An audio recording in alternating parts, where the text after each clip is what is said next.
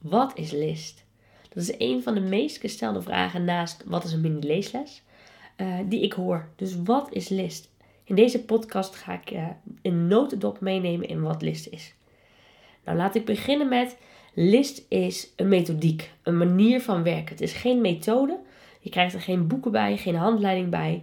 Um, het is een methodiek voor technisch lezen waarin je geschoold wordt.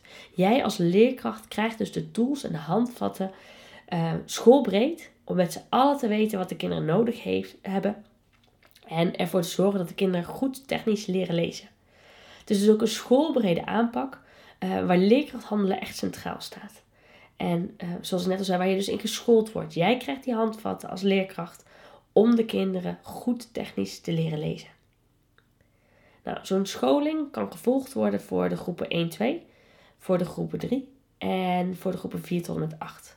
En eigenlijk zeg je dan, het is een scholing kleuters, een scholing aanvankelijk lezen en een scholing uh, voortgezet lezen. Je kunt die scholingen schoolbreed tegelijk volgen. Je kunt ze ook afzonderlijk van elkaar volgen. Um, dus je kunt eigenlijk met elke groep al aan de slag om het leesonderwijs aan te pakken zonder het uh, schoolbreed te doen. In een notendop ziet list bij kleuters er zo uit dat je thema's hebt van zes weken, waarbij je zes weken lang aan dus één thema werkt. En die werk je uit vanuit de doelen. Uh, vanuit de kleuterdoelen ga je op zoek naar geschikte prentenboeken die daarbij passen. En zo geef je dus je thema vorm. Elke week staat er één prentenboek centraal. Dus je, ik zeg altijd, je hebt zes hoofdprentenboeken. Uh, themaprentenboeken. Die dus echt je thema vullen, vormgeven. En waarmee je de diepgang ingaat. Nou, naast die zes prentenboeken, die, die themaboeken, heb je ook nog vulboeken. Want je leest elke dag nog een keer een kwartier vol. En ik zeg altijd, je hebt 15 tot 30 vulboeken per thema nodig om je thema mee op te vullen. Dit zijn boeken die daaromheen nog aansluiten bij het thema die je voor wilt lezen, maar die dus niet je hoofdprentenboeken zijn. Waarbij je geen activiteiten doet, maar die mogelijk wel wat extra informatie geven over het thema. Iets wat kleuters uh, zich nog afvragen binnen het thema. Of gewoon een heerlijk verhaal wat niet rijk genoeg is, maar wel lekker bij het thema past, bijvoorbeeld. Nou, daaromheen staat bij de kleuters ook uh, het creatief schrijven um, veel op het programma. Kinderen gaan lekker al schrijven. En het is heel erg leuk als je weet welke fase de kinderen vanaf ja, peuter tot groep 3 doorlopen van het creatief schrijven. Zodat je ook kunt zien waar kinderen zich bevinden in die doorgaande lijn. En je kinderen dus echt kunt stimuleren dat alles goed en geweldig is totdat ze in groep 3 zitten. Dan is het nog steeds goed en geweldig, maar dan moeten ze ook op een bepaalde manier leren schrijven. En de letters op een bepaalde manier vorm leren geven. Maar tot die tijd is eigenlijk alles wat ze schrijven gewoon super en, en doen ze hartstikke goed. Dat was in een notendop de uh, kleuterlistversie. Daarnaast heb je dan de uh, aanvankelijk lezen versie, meestal groep 3 waarbij de methode als leidraad gebruikt kan worden. Bijvoorbeeld veilig leren lezen of lijn 3. En um, die methode gebruik je dan als leidraad, omdat die methode je aandraagt in welke volgorde de letters aangeboden worden. Je kunt het filmpje er eventueel bij gebruiken. Um, de uh, platen voor in de klas kun je daarvoor bijvoorbeeld gebruiken. Maar wat je weglaat is het ankerverhaal. En wat je weglaat zijn de werkboekjes, geen invuloefeningen meer. Wel kun je nog de tekstboekjes gebruiken, mits je ze op een echt uh, hoog en geschikt niveau inzet. En um, dan werk je bij kleuters, of sorry, nee, dan werk je bij groep 3. In groep 3 werk je dan met uh, fase 1, fase 2. Fase 1 is de fase waarin kinderen leren lezen. En fase 2 is de fase waarin kinderen uh, veel meer oefenen met teksten, uh, leesmoeilijkheden inoefenen en dus echt kilometers gaan maken. En zodra kinderen kunnen, stappen ze over naar, van woorden naar teksten. Zo snel als ze dat kunnen, hoe eerder, hoe beter. Het gaat echt om kilometers maken, veel teksten lezen, veel inzetten op leesplezier, genieten van boeken, lekker veel voorlezen en dus kinderen leren lezen. Na het aanvankelijk lezen komt het voortgezet lezen. En dat bestaat eigenlijk eerst uit het hommellezen, het, het uh, zachtjes hardop lezen in duo's. En daarna uit het stillezen.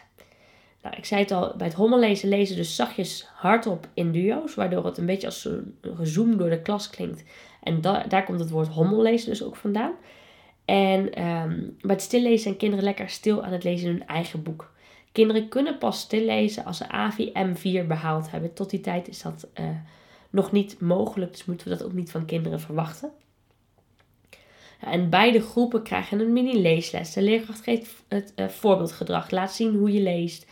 Uh, moddelt met leesgesprekken, moddelt met boekenbabbels, mini-leeslessen.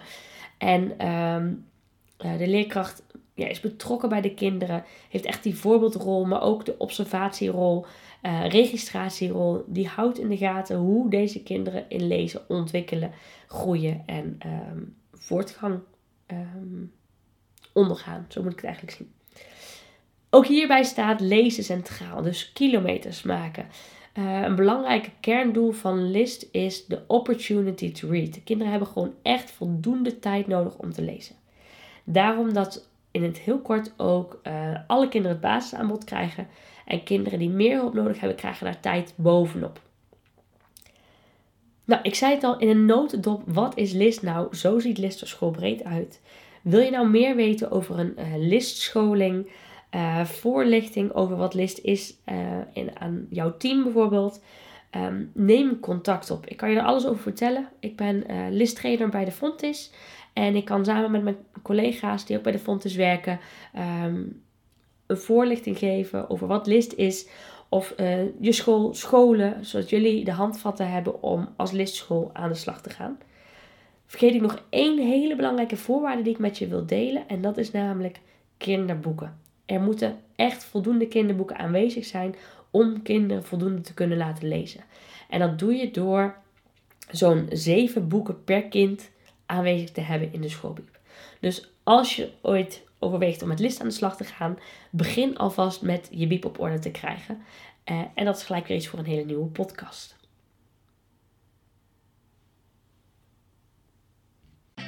leesles.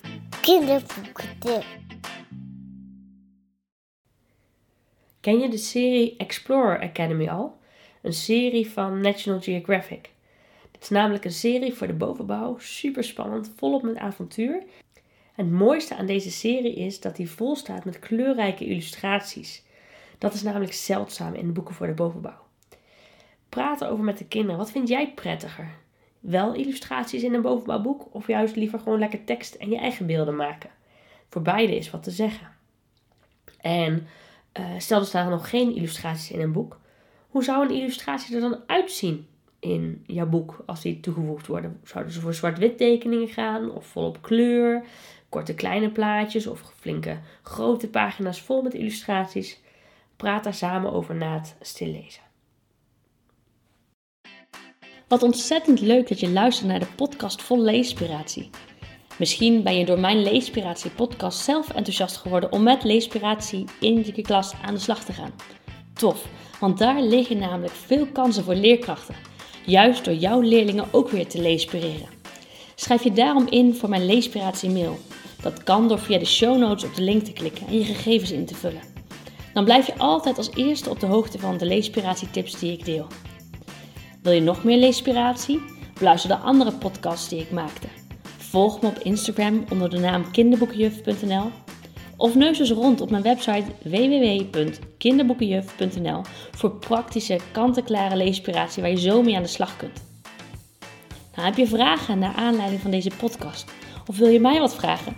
Mail me op info.kinderboekenjuf.nl Vind je deze podcast waardevol?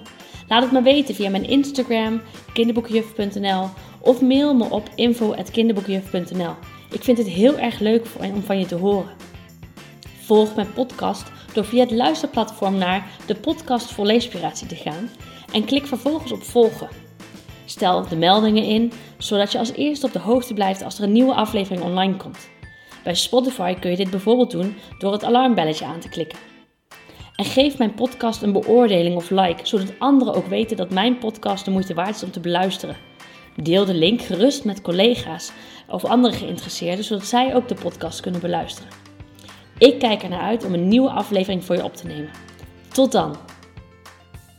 Je luisterde naar Ingrid Rijnboud Evers, de kinderboekenjuf. Wil je nou meer weten over mij? Luister dan zeker eerst even de eerste twee podcasts die ik maakte. Daarin vertel ik je eigenlijk alles over wie ik ben, uh, wat mijn interesses zijn en wat mijn visie als kinderboekjuf is en hoe ik leerkrachten help om de kinderen in hun klas te leespireren.